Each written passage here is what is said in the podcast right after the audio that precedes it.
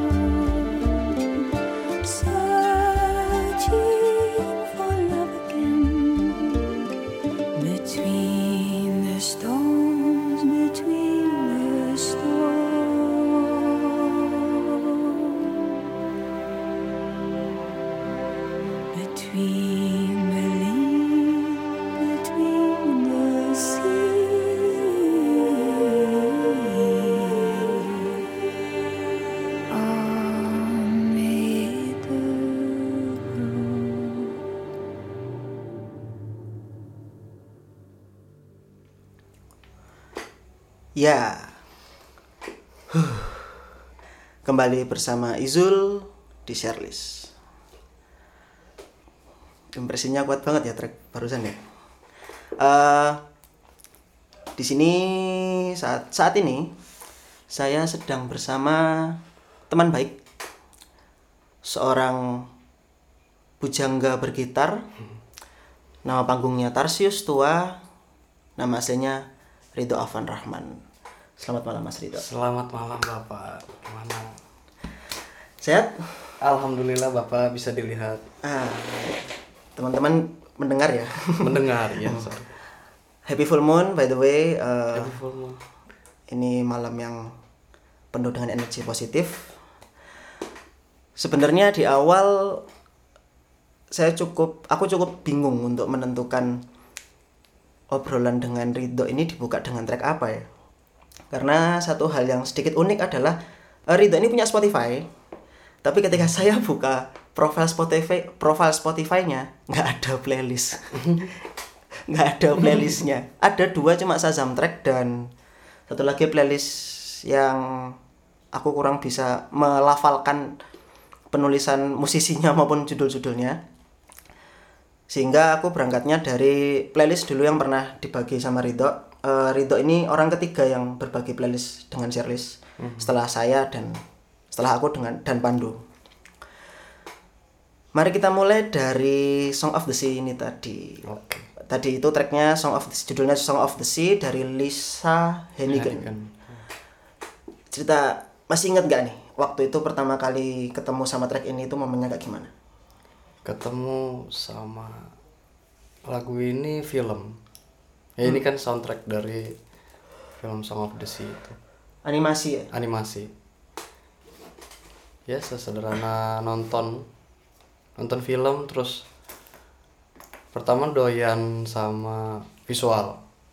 Do- doyan sama visual ceritanya bagus kan dia tentang ada anak bisa oh, ada anak berhubungan dengan laut lah ceritanya gitu ya. Ah,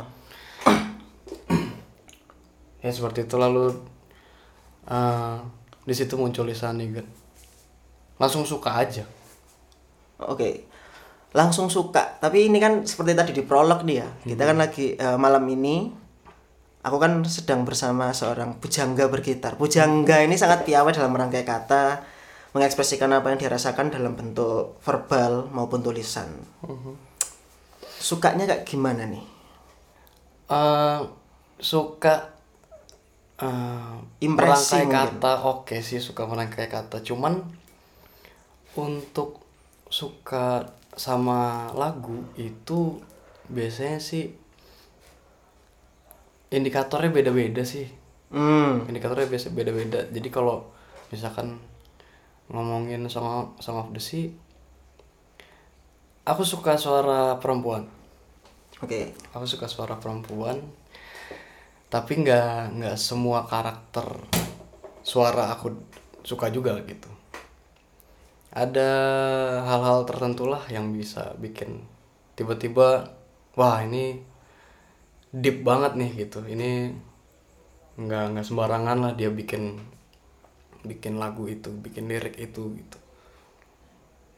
Nggak nggak harus melulu karena em, liriknya bagus gitu nggak nggak melulu soal itu gitu.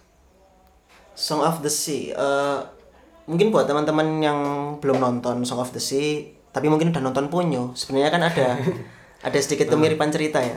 Eh, bedanya kalau Ponyo eh, latar belakang kisahnya atau hal-hal spiritualnya itu berangkat dari kebudayaan Jepang. Sementara kalau Song of the Sea ini berangkat dari Nordik. Kupikir tadi waktu kita waktu track itu waktu track itu tadi diputar aku merasa ada banyak hela nafas. Paling enggak di aku sih. Dan artian di situ kan ada ada sesuatu hal yang masuk ke kita. Entah itu kemudian kaitannya memicu sebuah kenangan atau energinya tadi itu berasal dari liriknya yang mungkin itu ada irisan sama kepersonalitian kita. Tapi aku pikir dari something kan. Sesimpel kalau misalnya kita lagi galau nih kita lagi sedih kemudian kita turut dengar lagu sedih seakan-akan jadi semakin memperkuat kesedihan kita jadi akhirnya bisa nangis atau gimana gitu. arahnya mungkin ke sana gitu. Tapi kemudian eh, oke misalkan kita belok. Tadi kan antara antara manusia dengan alam nih ya. Full moon.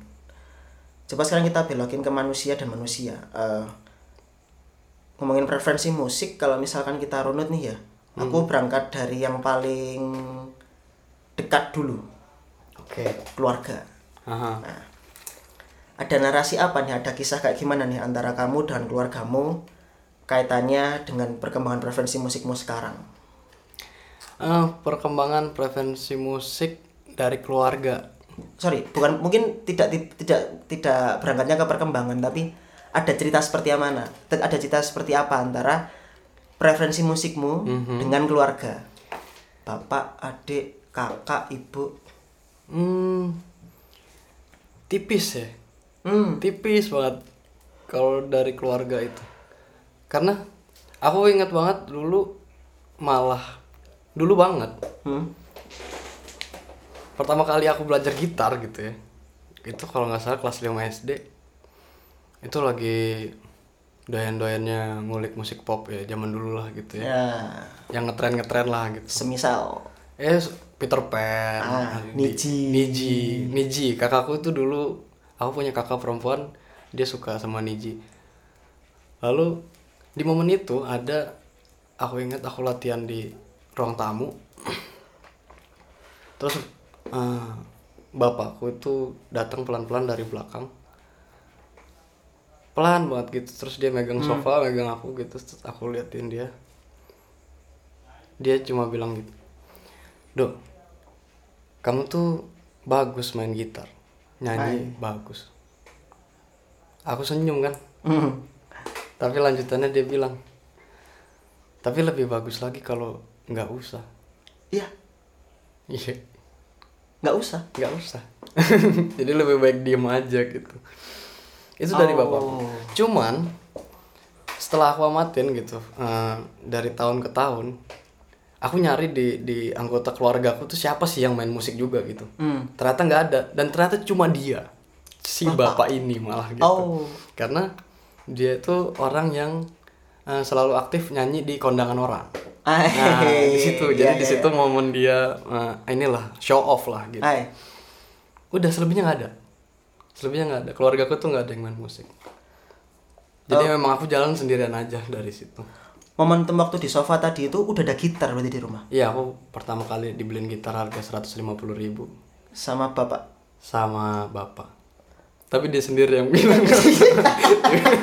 Tuh kan? Anu ya. Iya. satu sisi mungkin pingin support tapi kemudian kayak ada sesuatu yang bikin ah janganlah kamu jadi dokter aja apa jadi patut dipertanyakan lah Iya. kenapa nih ya orang tua macam apa gitu kan. Dulu waktu kita lagi jalan Heeh. eh, aku ngerasa catchy banget sama kaosmu karena itu kaos yang udah lama banget nggak aku lihat. Kaos Niji.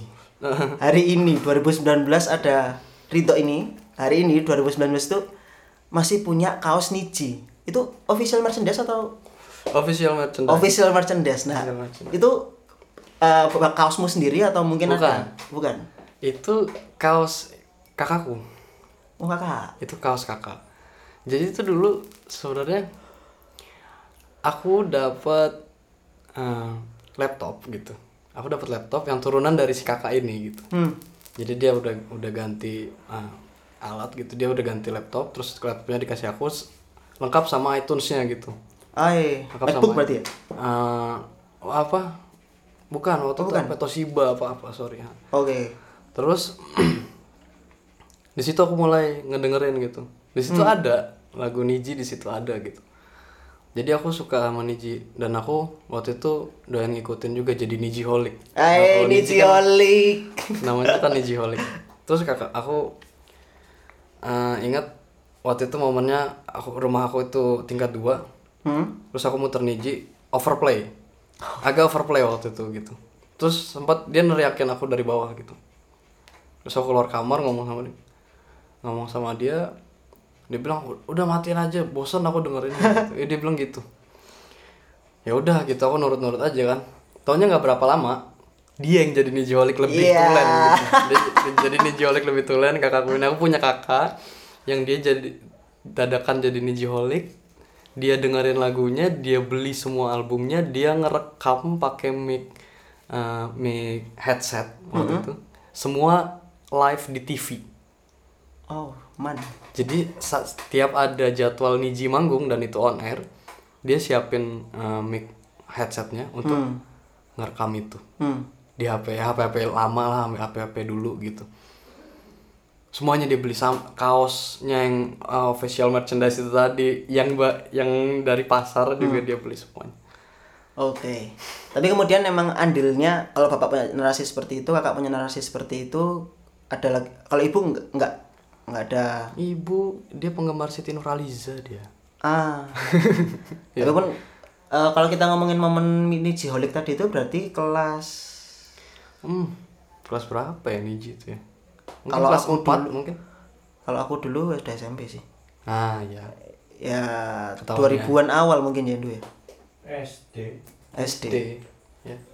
Eh, di sini saya sama Rito nggak selisih jauh ya teman-teman. Jangan bayangkan kalau saya udah tua. Oke. Keluarga kemudian lanjut keluar Mhm. teman. Keluarga, teman, ini eh, aku dari hasil risetku nih ya. dari hasil risetku aku menemukan foto ini. Pendengar bisa melihat oh enggak? Nggak Oh, bisa.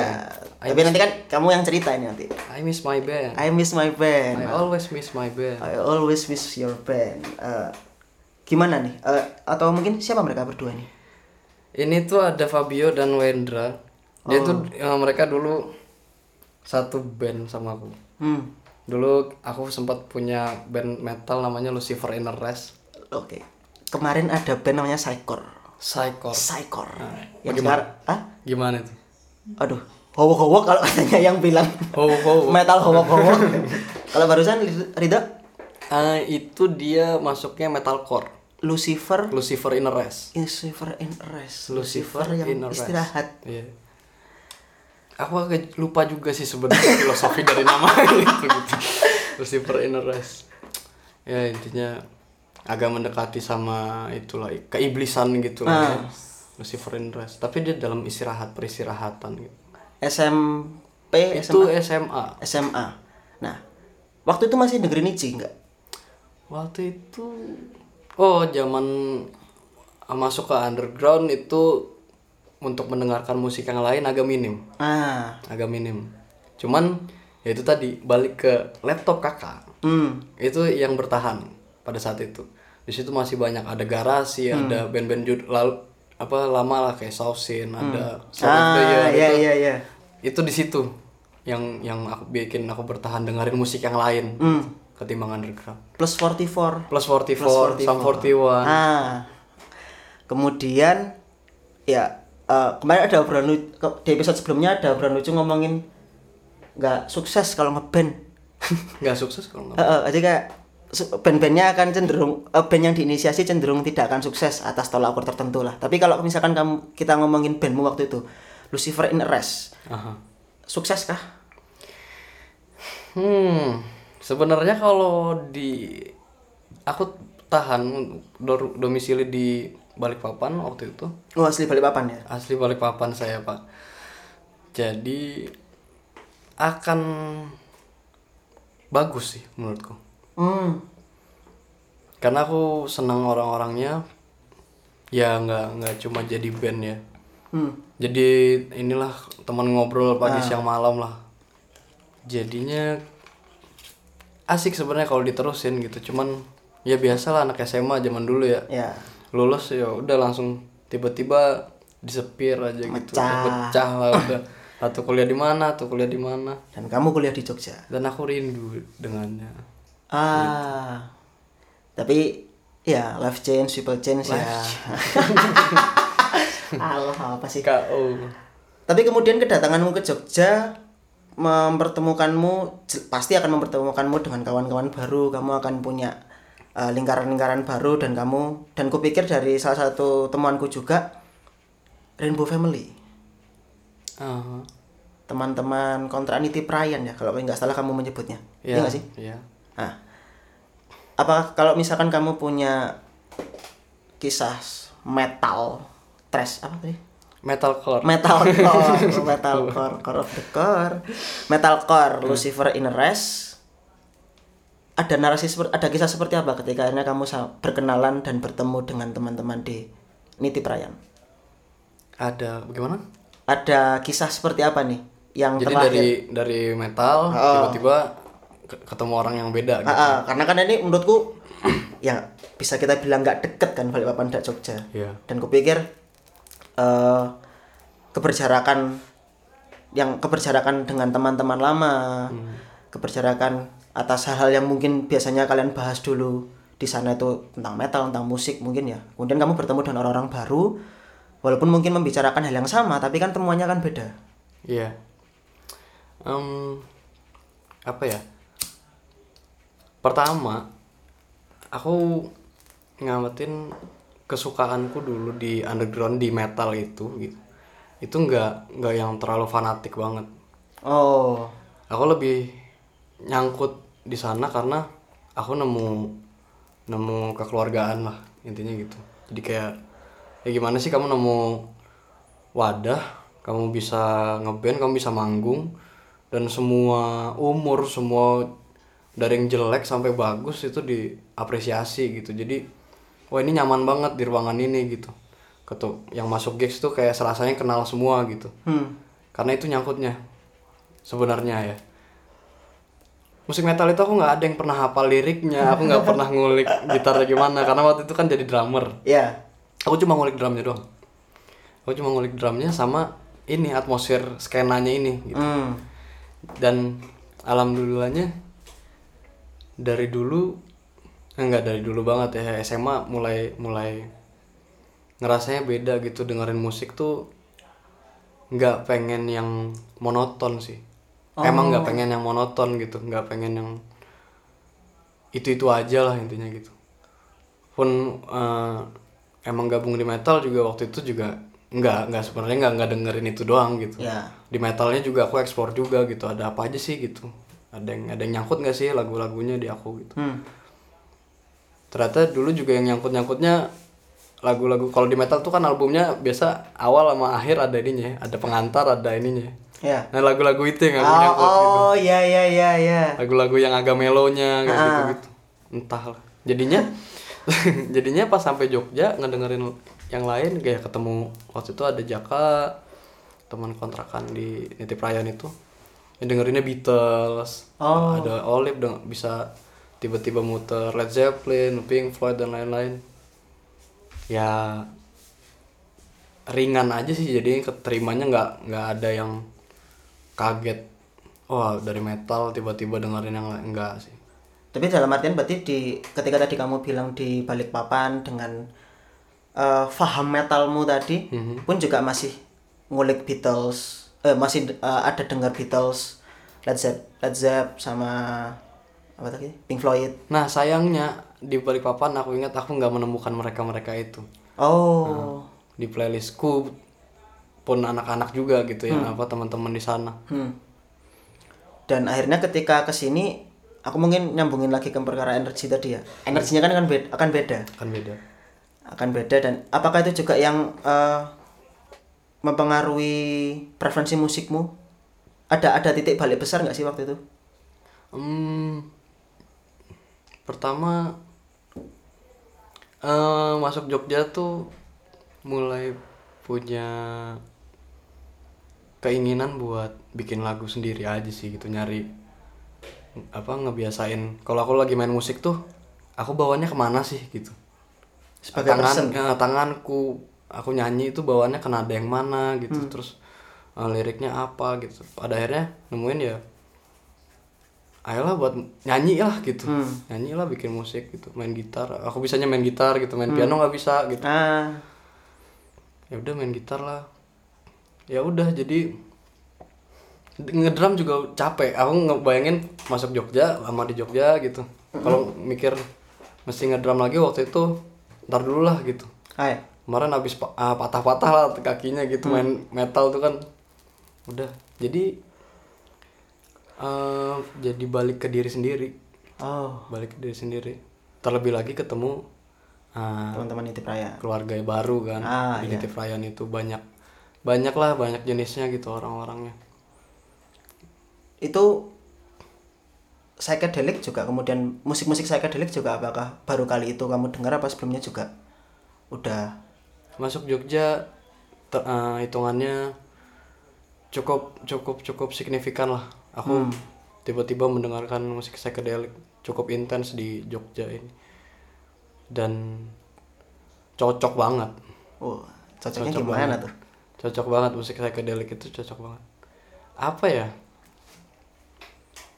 Eh, nggak ngulik terlalu dalam sih eh, secara teknis gitu. Cuman aku mikirnya musik psychedelic itu sengaja dibuat untuk hal yang lain gitu. Nggak hanya musik tujuannya gitu. Bisa Oh, bisa ya bisa kita bisa lebih dalam ngomongin inner lah. Hmm. tujuannya apa nih? Dikasih kalau teknisnya dikasih apa? Binaural wave kayak gitu gitu ya oke lah ada tujuannya gitu. Cuman binaural wave. kalau aku lebih ke ngerasainnya aja gitu ngerasainnya lebih ngawang lah intinya gitu. Binaural wave tadi namanya? biasa kan ada ada ada gelombang-gelombang. Gimana ya? Ndu ya ya begitu oh lah iya iya. pokoknya. oke oke oke. Oh tapi apakah binaural wave itu yang ka, yang ka- binaural wave yang kamu maksud itu yang dulu waktu recording sebuah band Iya. yang ada satu frekuensi? Ah. oh. Itu juga kata kunci tadi ap- gimana spelling yang bener binaural. Binaural. Binaural. Binaural wave. Binaural wave teman-teman. Jadi mungkin para pegiat psikodelik di sana kalau misalkan ada yang tahu bisa ngabarin kita nanti via DM itu termnya sebenarnya apa. Selain kalau kami dari googling ya. Dan kemudian di Jogja itu juga yang melahirkan sebuah band. Pada akhirnya. Pada akhirnya. Waktu itu. Waktu itu. Bernama? Bernama Days. Days. D E Z no D A D A D A Z E. D A D A Z E dan itu teman-teman Nitip Ryan juga? Itu teman-teman Nitip Ryan. Band apa itu mas? Itu adalah band neo psychedelic. Neo Psychedelic. Jadi tiap manggung selalu disebutkan kalau Days itu adalah band neo psychedelia pertama dari Bantul. ah. I- oh iya itu aku nemu di bio juga kayak gitu. Iya. band Neo Psychedelia pertama Dari Bantul. dari Bantul. Berbanggalah warga-warga Bantul. Punya band psychedelic. punya band psychedelic. Eh, udah recording Udah sempat alhamdulillah. ngasilin Sat- saya ingat satu Satu ya. lagu ya. masih aktif Eh, udah tidak bisa, Bapak. oh Udah nggak bisa. Karena ya itu sama kejadiannya. SMA ke kuliah lagi kuliah dapat band juga sama aja ternyata. Oh. Tadi kemudian kalau kamu mengimpresikannya nih ya, mendeskripsikannya, ada eh bentuk pengalaman kayak gimana sih ketika dulu metal kayak gitu, Mm-mm. sekarang psychedelic dari Bantul lagi, neo neo psychedelic dari Bantul lagi. Ya, mu- ya sangat disayangkan sebenarnya kalau misalkan sekarang udah nggak aktif karena sebenarnya udah punya basis fans juga ya teman-teman Bantul Iya, di. Burjo Su- di Burjo Sumer itu. Kalau kamu tapi kalau dideskripsikan menurutmu gimana prosesmu waktu itu bareng sama teman-teman Des? gila. Des itu band gila. Aku cukup bersyukur dulu apa sempat ya anak-anak eh ngeband yuk gitu. Eh, ngeband lah ngeband ngeband ngeband.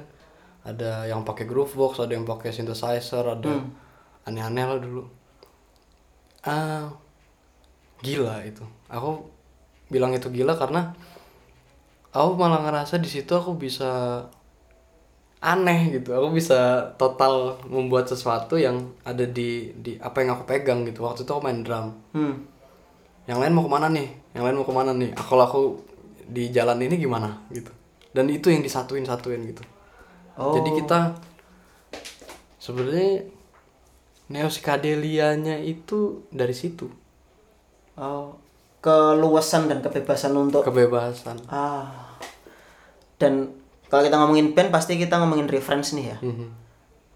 bisa cerita nggak waktu itu walaupun mungkin dalam artian karena kalian sebebas itu mungkin juga nggak selalu nggak terlalu terpaku sih sama referensi musik cuman kalau ngomongin musik yang didoyanin des Pink Floyd dulu Des sempat jadi awal di formasi awal itu kita mainin Pink Floyd yang Dulu itu on the run. Terus on the run Wah anak-anak tuh milihnya yang ini deh yang aneh-aneh kayaknya. on the run itu Dark Side of the Moon ya ah ada lagi The Doors mungkin Enggak, enggak. Enggak. Kita nggak main. Pink Floyd karena emang kayaknya Dulu masih soalnya dulu masih ngulik eh, lagu-lagu yang banyak tanpa vokal. oh Hmm. Cuma milih lagu yang emang doyan aja gitu nggak ter nggak nggak ngukur ini populer apa enggak gitu dari Pink Floyd. Ya milih aja udah langsung. Eh latihan udah latihan gitu. coraknya dari metal berpindah ke corak neo psychedelia dari Iya. Bantul pertama dari Bantul tetap ada jadinya eh, aku masih ngerasa tetap ada metalnya keluar di situ dari aku Oh, tidak hilang tapi kemudian melebur jadi satu. Ah. Nah. Oke, kita nafas dulu. Ngomongin Des nih ya, tiba-tiba aku jadi pingin tanya nih. Udah lama gak ketemu bareng ya? Udah lama terakhir itu kalau aku inget di eh, puncak di Bogor di main di Highland Dua, tiga tahun silam? dua Jangan tahun bilang ada lebih. lah Oh, dua tahun. dua tahun ada lah You miss them too. wah sangat Oke, satu track yang mewakili kerinduanmu sama mereka. Em, satu track Ya, yang mewakili kerinduan nggak harus psychedelic juga sih. Aha. Only One Who Knows-nya Arctic Monkeys Only One Who Knows Arctic Monkeys. Oke, kita coba dengerin.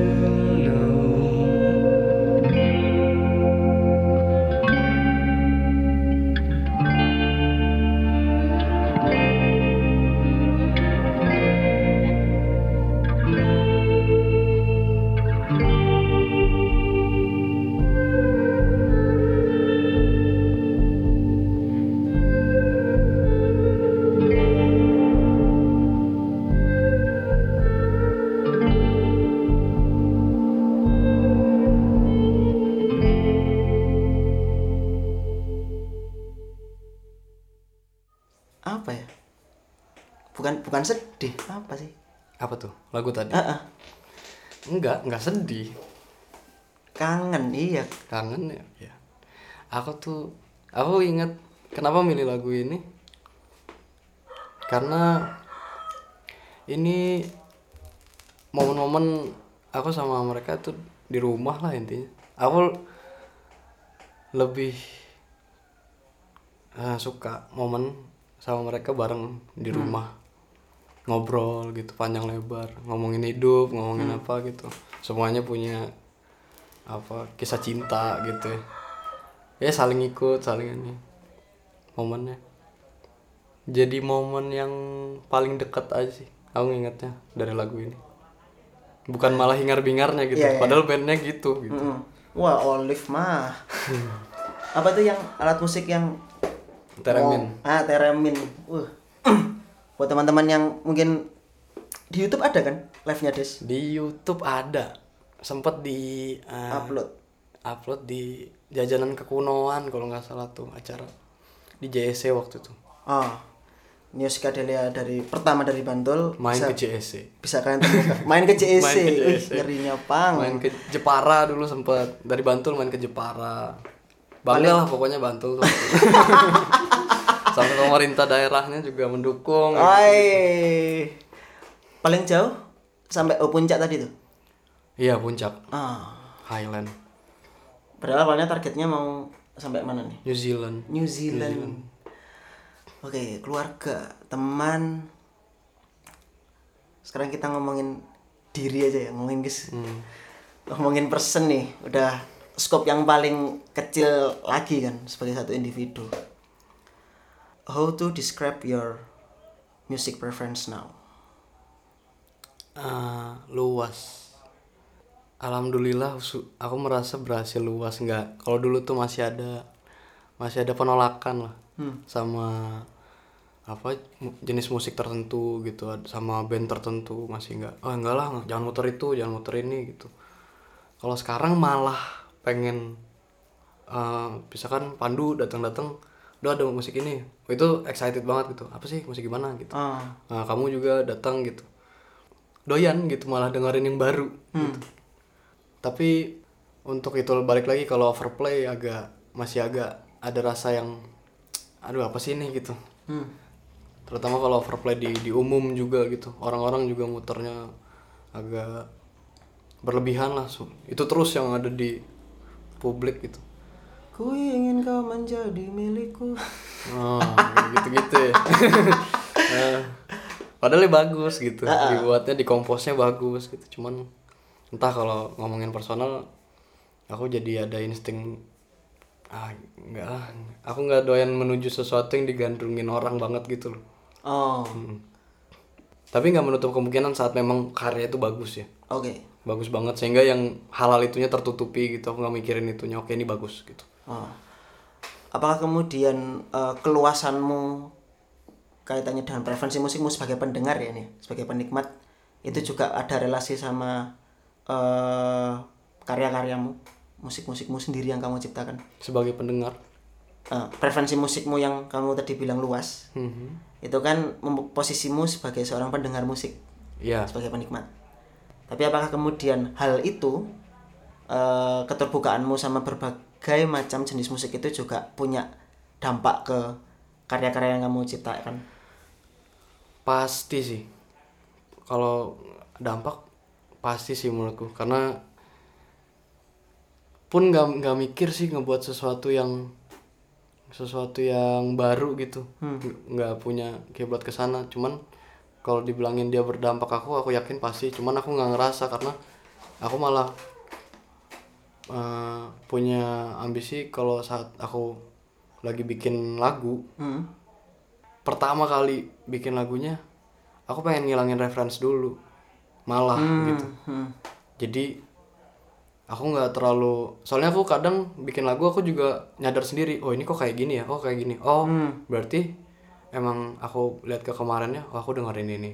Wajar gitu nah setelah ada pengalaman-pengalaman kayak gitu jadinya itu pengen ngilangin reference dulu sebelum buat lagu lagi Hmm. jadi pas buat lagu ya udah asik sendiri aja gitu loh Hmm. nggak ngebayangin lagu yang lain gitu Nyambung ke tadi skopnya kan dari keluarga, temen, sampai ke sendiri, eh, sampai ke diri ya, Iya. Se- seorang diri. Musik-musik apa yang kamu putar ketika kamu memang pingin momen sendiri? Memang nggak ada orang, nggak tahu mungkin aktivitasnya rebahan atau bersih-bersih seperti hobimu. Tapi musik-musik apa yang akan kamu putar untuk me- Menemani kesendirian. menemani kesendirian. Bukan berarti kesepian ya, Iya. tapi kesendirian. Random. Random juga. Random. Aku nggak ininya menyadarinya random. Kadang aku doyan dengerin yang kenceng, kadang yang kalem, kadang aku muter cuma suara air terjun doang. Oh, api unggun. Api unggun. Nah, Kemarin kan sempat muter api unggun biar hangat ya. ah. Siapa tahu didengerin bisa hangat gitu. tapi misalnya kalau dari dua dua jenis tadi, kenceng sama pelan gitu deh. Aha. Mendefinisikan kencengmu ini berarti kita ngomongin musik yang kayak gimana nih? Kalau sekarang ya nggak kenceng-kenceng banget lah gitu. Misalkan tahu-tahu siang aku dengerin festivalis misalkan gitu. Dan kalau pelan itu tadi yang kamu maksud? Pelan malah yang banyak banget jenisnya menurutku. Pelan. Ben Howard. Ben Howard. Kadang ya dengerin blues lagi, kadang dengerin apa rocksteady masih dengerin. Hmm. Kadang nge- ngedengerin jazz. Sama kalau belakangan itu lagi doyan ah, ini sih world music gitu. Jadi kalau kemarin sempat dapat di Spotify itu aku lupa nama playlistnya kalau nggak salah dia Voice of the World atau apa gitu. Jadi memang dia kumpulan track yang itu liriknya dari berbagai bahasa dengan cara nyanyi yang tradisional gitu. Oh. Nah, aku belakangan lagi doyan lah gitu. Oh, apa sih yang yang bisa diulik karena belakangan juga jadi doyan tribe music gitu. Menurutku juga kita nggak bisa mungkiri kalau tetap ada orang-orang yang seantisipasi atau aku mungkin bisa bilang punya mental block ya atas jenis musik tertentu gitu.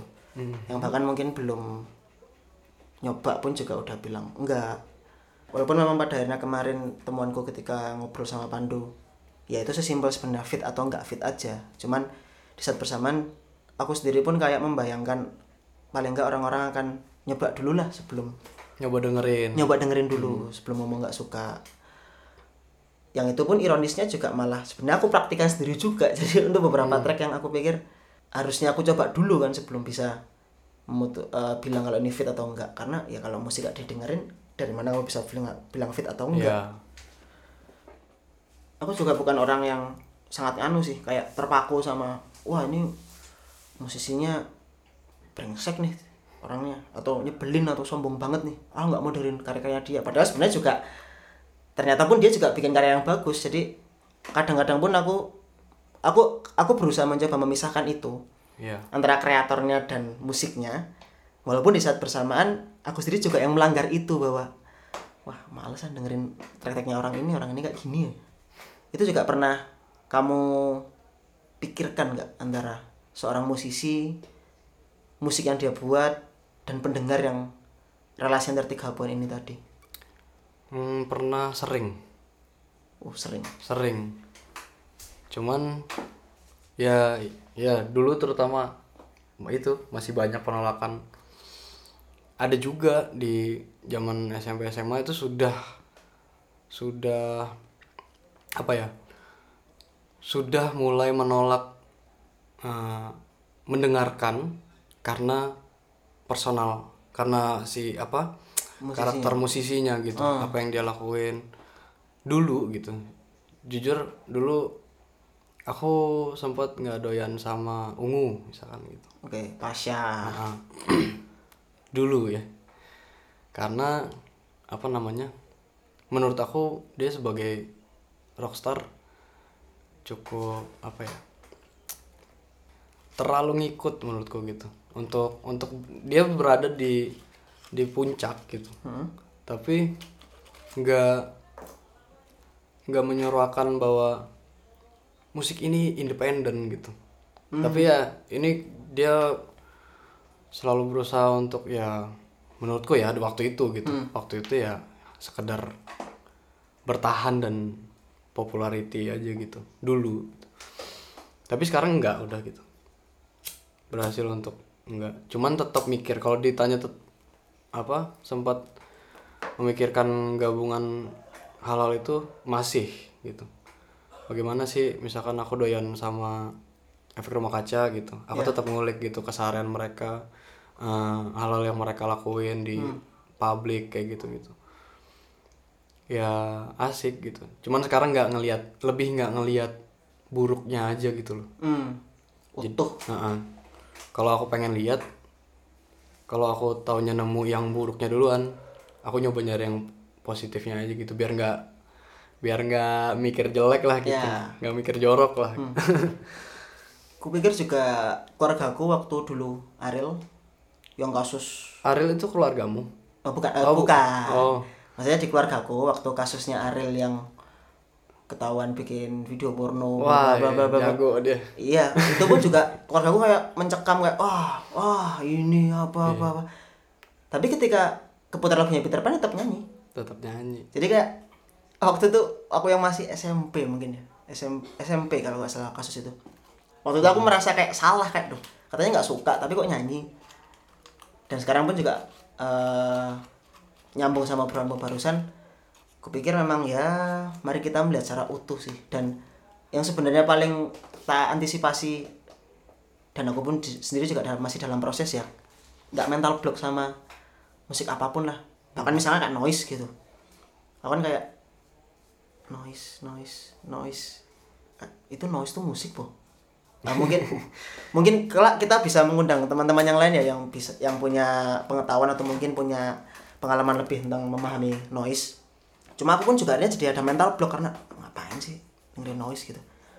Sampai akhirnya ketika pelan-pelan aku pun juga ngulik sama hal yang lain apa hal yang berkaitan sama noise. Walaupun mungkin hari ini masih belum bisa dibilang suka atau doyan tapi paling enggak ya oke itu salah satu jenis musik. Kalau aku mikirnya sih hari ini mah mending kalau lagi eh sorry kalau lagi kalau kamu itu eh, nggak suka sama orangnya gitu, sama musisinya ya udah. Nggak sukain sama hal yang itu di luar aktivitas bermusik aja gitu. Hmm. nah misalkan kamu sorry sorrynya misalkan nggak doyan sama Ahmad Dhani gitu. Karena dia ada track politik yang apa misalkan gitu. Mm-mm. ya udah itunya aja gitu. Nggak usah disangkut sangkutin ke lagu kamu jadi nggak mau dengerin lagunya apa semua jadi bullshit kalau kayak gitu. Ya itu kebuktinya diputar ya nyanyi juga kok gitu. Jadi eh, kalau kamu nggak suka lagunya ya berarti memang mungkin emang seleramu bukan di situ gitu. Oke. Sim- sesimpel itu kalau musiknya ya. Nggak fit ya? Nggak fit nah. Tapi emang lebih baik ya kayaknya emang gak usah benci-bencian sih sekarang. Udah gitu. Udah terlalu banyak yang ngasih kebencian jadi Iya. kita jangan yang Ariel dia bikin video gitu ya udah kamu nggak sukanya di segitu aja gitu. Ntar diputar lagunya nyanyi juga gitu. Misalkan nggak doyan sama apalagi tuh? Anu wali. Kufaku. Ya, misalkan kufaku ya. Kamu nggak doyan nih. Wih bentuk bentukannya kok gini banget misalkan ya. Ah, dia buat video klip bro. Hmm. kamu belum misalkan gitu. Kamu nggak buat apa-apa. Dia buat video klip bro. Modelnya cakep gitu. Ay. Kamu apa gitu? Berak apa untuk membenci musiknya dia gitu? Kalau kamu apa nggak doyan sama bentukannya ya terserah lah gitu. Tapi kalau jadi bener-bener nggak mau dengerin dia nggak peduli sih kamu dengerin apa enggak gitu. Sekarang kita geser nih perspektifnya. Tadi kan antara musisi dengan karya yang dihasilkan. Mhm. dan kita sebagai pendengar. Tapi sekarang kalau kita geser kita sebagai pendengar punya teman yang mendengarkan musik-musik tertentu kemudian itu seakan-akan eh, mewakili karakternya dia. Kalau tadi kan kalau tadi kan karakter musisi dengan karyanya. Kalau sekarang antara orang karakter orang sama musik-musik yang dia dengarkan. Kamu pernah mengamati itu nggak? Em, Nah, dalam art- dalam artian kayak eh, aku aku dulu sempat sebel karena Izul muternya Blackpink. Kamu sendiri suka kesel? Suka. Enggak aku enggak. Waktu itu aku sempat merasa kesal. Iya. Karena karena kamu sendiri dengerin Blackpink? Eh, eh, oh bukan bukan. Karena bukan. Aku suka Blackpink ya. Oke. Tapi orang-orang menganggap bahwa jadi sesuatu hal yang aneh. Loh Isu kok dengerin Korea lah kenapa? Ya nggak cocok aja kamu kayak gini. Nggak tahu kemudian penilaian dia karakterku seperti apa ya. Dan dia merasa nggak match dengan Blackpink. Nah, hah? hey. Kamu ada temuan serupa nggak bahwa ada orang-orang yang terlalu ter- eh, terlalu menjustifikasi karakter seseorang dari musik-musik yang dia dengarkan mungkin ya? Ada lah pastilah. Ada lah pasti kalau gitu. Tapi ini dari sudut pandang aku apa dari aku eh, aku menilai mereka? Aku menilai sudut pandang mereka gitu. kita bisa kita bisa berangkat dari sudut pandangmu dulu kemudian kita, kamu kita ngomongin bagaimana kamu menanggapi sudut pandang mereka yang seperti itu. Aku intinya nggak pengen nggak pengen ngoyo sih apa nggak pengen terlalu buang energi. Nggak ya terlalu buang energi untuk uh kenapa kamu nggak suka? gitu. Kenapa kamu kenapa sih kamu suka ini? gitu. Ah, jadinya kalau aku aku malah lebih doyan justru kalau misalkan nemu tiba-tiba siapakah gitu ya. Pandu misalkan yang Iya. misalkan dia doyan dengerin lo-fi gitu. Mm. tiba-tiba dia muter punk dia tiba-tiba dia muter reggae asik menurutku gitu loh. Itu justru asik. Oh ada lagu gini ya? Oh ini siapa gitu. Aku langsung nanya aja itu siapa? Saat aku pengen tahu nggak lagi yang ih kamu kok tumben muter gitu? Ya Nah, nggak nggak melulu harus kayak gitu gitu menurutku. Jadinya karena dari sudut pandang aku aja begitu aku nggak ngurusin orang sih. Dan aku lebih-lebih aku memaklumi aja lah kalau orang kayak kayak gitu gitu. Ya nggak apa-apa aja gitu. Nggak harus semua orang itu harus dengerin semua lagu gitu kan. Ya nggak apa-apa. Cuma kalau aku nggak usah. Berarti aku bisa bilang juga bahwa kamu nggak terlalu care sama top chart Ah, tanggal lagu. Apa ya? Kadang ah, ter- ter- tertarik ke sana kadang tertarik. Kayak pengen tahu oh sekarang lagi yang boom apa sih gitu. Hmm. yang lagi naik apa ya? Dan kenapa mereka ada di situ? Hmm. nah lebih ke situnya. Oh. kenapa, Kenapa mereka ada di top chart gitu? Oke. seru aja gitu eh, ngamatin apa ya orang tuh nilainya dari apa gitu. Ini bisa jadi 10 lagu terpopuler di dunia gitu. Apa di Indonesia apa di Bantul gitu Punya Ada top chart Bantul. Top chart Bantul besok bisa lah dibuat Punya dugaan atau eh, temuan dari hasil ngulikmu kenapa kok mungkin lagu-lagu itu tadi jadi yang paling populer?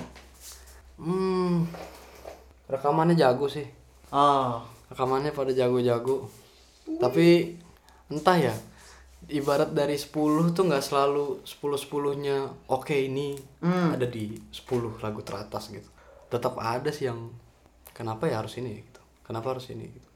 Tapi itu aja jadi cuma perenunganmu personal kan nggak jadi semacam kayak pernyataan ke publik bahwa wah ini apa? di situ aku mikir bahwa eh, indikator penilaiannya dia bisa masuk ke 10 teratas itu satu yang dominan adalah kesukaan pendengar gitu. Adanya Oh. pendengar yang masif mendengarkan itu gitu. Menyanyikan itu. Itu bisa jadi kan jadi jadi faktor juga gitu. Itu bisa jadi masuk 10 besar Kalau ngomongin berarti secara jamak ya, secara komunal, secara general anggaplah orang satu Indonesia gitu. Hari ini kalau kamu ngelihat yang ngetren lagi apa sih? apa ya? Maksudnya kayak melihat kecenderungan musik sekarang karena di sini kupikir penjelajahanmu cukup jauh juga ya mulai dari musik metal, core, metalcore, psychedelic dan sampai akhirnya pun kamu juga memutuskan bahwa kamu nggak punya mental block tertentu atas musik-musik yang ada, kamu masih tergerak buat eh, ngulik. Ini ah, ini pancinganku pancinganku mungkin gini ya. Aku ngerasa musik-musik baru sekarang ya gitu-gitu aja. Eh, maksudnya yang tadi kita cakupannya ngomongin top chart ya. iya berat ini ya Berat. oh, berat, berat, berat. Ngomongin Buat bercandaan aja. Top chart apa ya? Kalau musik sekarang di luar top chart itu aku nilainya tergantung kitanya eksplornya gimana sih. Oh, Malah makin nemu di sekarang ini makin nemu kalau mau nemuin yang eh, bisa mendekati kata baru ya. oh. Kita tahu-tahu nemuin superorganism, Hmm. kita nemuin ada Blue Man Group, ada apa ada apa gitu. Kita bisa bisa akses itu semua dan portal-portalnya semakin banyak gitu Hmm. wadah-wadah di apa dunia maya gitu lebih banyak tapi kalau untuk masuk top chart itu aku masih mikirnya terserah mereka aja lah gitu untuk masuk masuk ke angka 10 itu ya itu terserah mereka aja lah Terlepas dari publik secara umum punya top 10-nya, Heeh. sebenarnya di saat bersamaan di luar top 10 tadi pun juga ada muncul-muncul yang mungkin sebelumnya belum terdiscovery. ya Kayak ke mana aku, oh, solo ensis. Itu tuh, wih, random banget aku sampai bisa dapat solo ensis tuh. Band dari Solo, eh bukan, udah dengerin tuh, solo ensis. Mirip The Sigit bukan? Ah ya, bisa dan di saat bersama kayak ih alhamdulillah ada band kayak gini lagi ya dan mungkin tanpa perkembangan teknologi hari ini juga bisa jadi kecil kemungkinan aku bisa Tahu. tahu itu lebih-lebih tanpa sengaja loh kayak apa nih Solensis Iya karena ya jadi lebih menarik aja sih kalau kita nggak nggak melulu fokus apa nih yang lagi hits gitu ya. Eh, aku punya kecenderungan kalau ngomongin Spotify nih kan. ya eh, aku punya kecenderungan misalkan aku kepancing nih ngedengerin satu lagu yang emang itu ada di top 10 misalkan gitu. Aku kecenderungannya buka akunnya gitu. Aku buka akun bandnya, jadi aku bisa dengerin lagu yang lainnya. aku pengen menilai lagu itu dari si bandnya dulu gitu. Siapa sih yang buat gitu. hmm. Walaupun aku nggak mempelajari mereka itu lahir tahun berapa, bikin musiknya di mana gitu ya. Hmm. Cuman seenggaknya aku lihat mukanya, aku tahu oh dari mana misalkan dari Jogja. Terus lagunya yang lain gitu gimana sih gitu. Aku selalu pengen tahu itu jadi nggak fokus ke lagu yang hitsnya aja gitu. Hmm. Lebih seru menurutku gitu. ya mungkin sekaligus buat closing statement ya Hmm. Aku pikir eh, sebenarnya sudah terwakili dari beberapa pernyataanmu sebelumnya cuman kayaknya tetap jadi penting buat eh, aku tanyakan lagi. Gimana kamu jelasin tentang pentingnya menemukan men- pentingnya mencari atau menemukan musik-musik baru yang belum pernah kamu dengar sebelumnya? Bukan penting atau enggak kalau di aku. Itu kita butuh. butuh? Menurut aku itu itu kebutuhan. Menemukan musik baru itu kebutuhan kalau kita bilang musik dulu ada batasnya sekarang udah nggak ada batasnya gitu. Sekarang teknologi udah ah, ya. wah berbahaya sekali lah gitu ya. Galak lah pokoknya. Ya udah kita bisa dengerin apa aja dan jadinya sayang aja kalau kita nggak eksplor itu gitu hari ini gitu.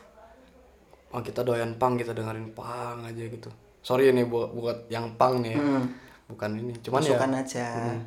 Ya kalau kita terlepas dari musik apa yang kita mainin aku mainin aku merasa eman sayang aja kalau aku nggak dengerin yang lain gitu. Sementara di dunia ini tuh ada ada jutaan miliaran band musisi gitu yang nggak kedetek gitu. Tapi sebenarnya kamu udah bisa ke sana terutama dengan portal Spotify itu gitu. Mungkin ada portal-portal yang lain juga gitu. Iya. sudah enak lah intinya.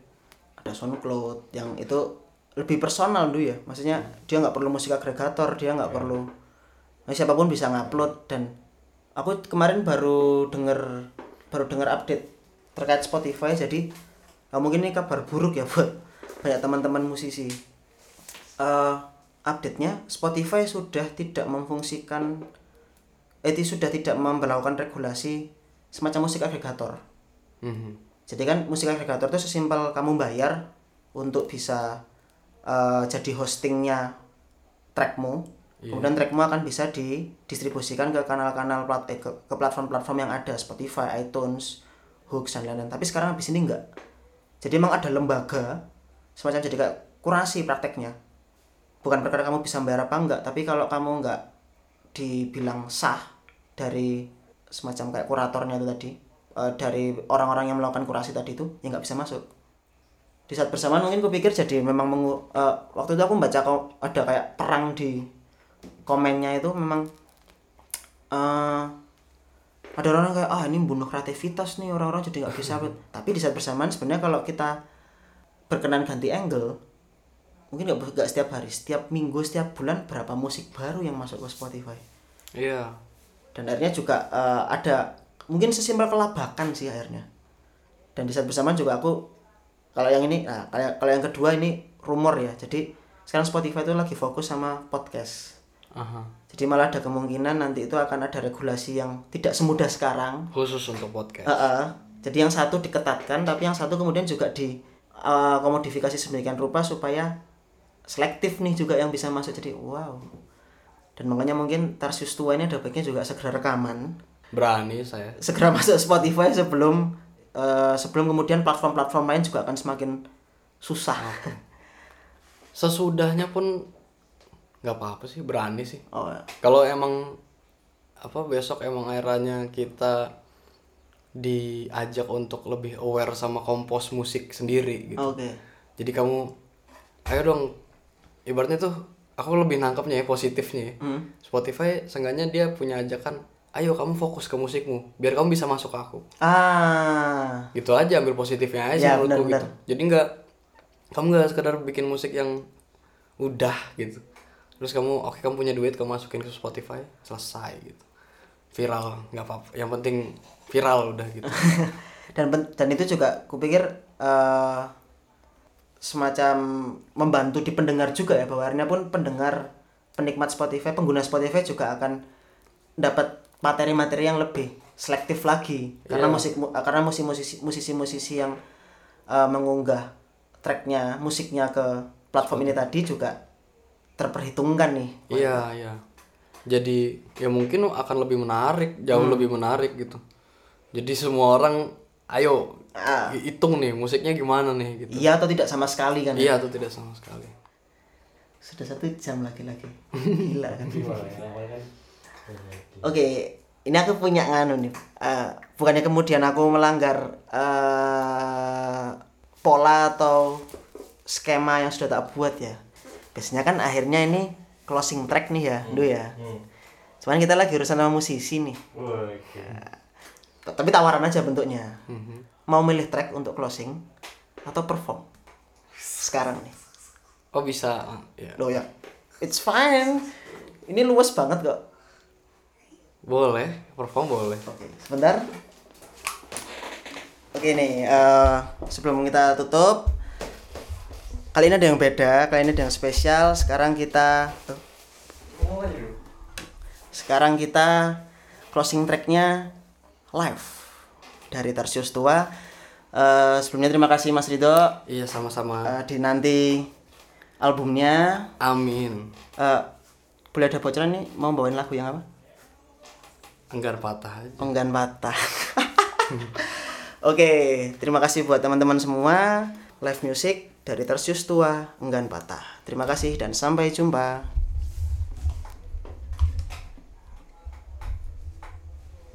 Kamu perlu dengerin ini juga. Wow.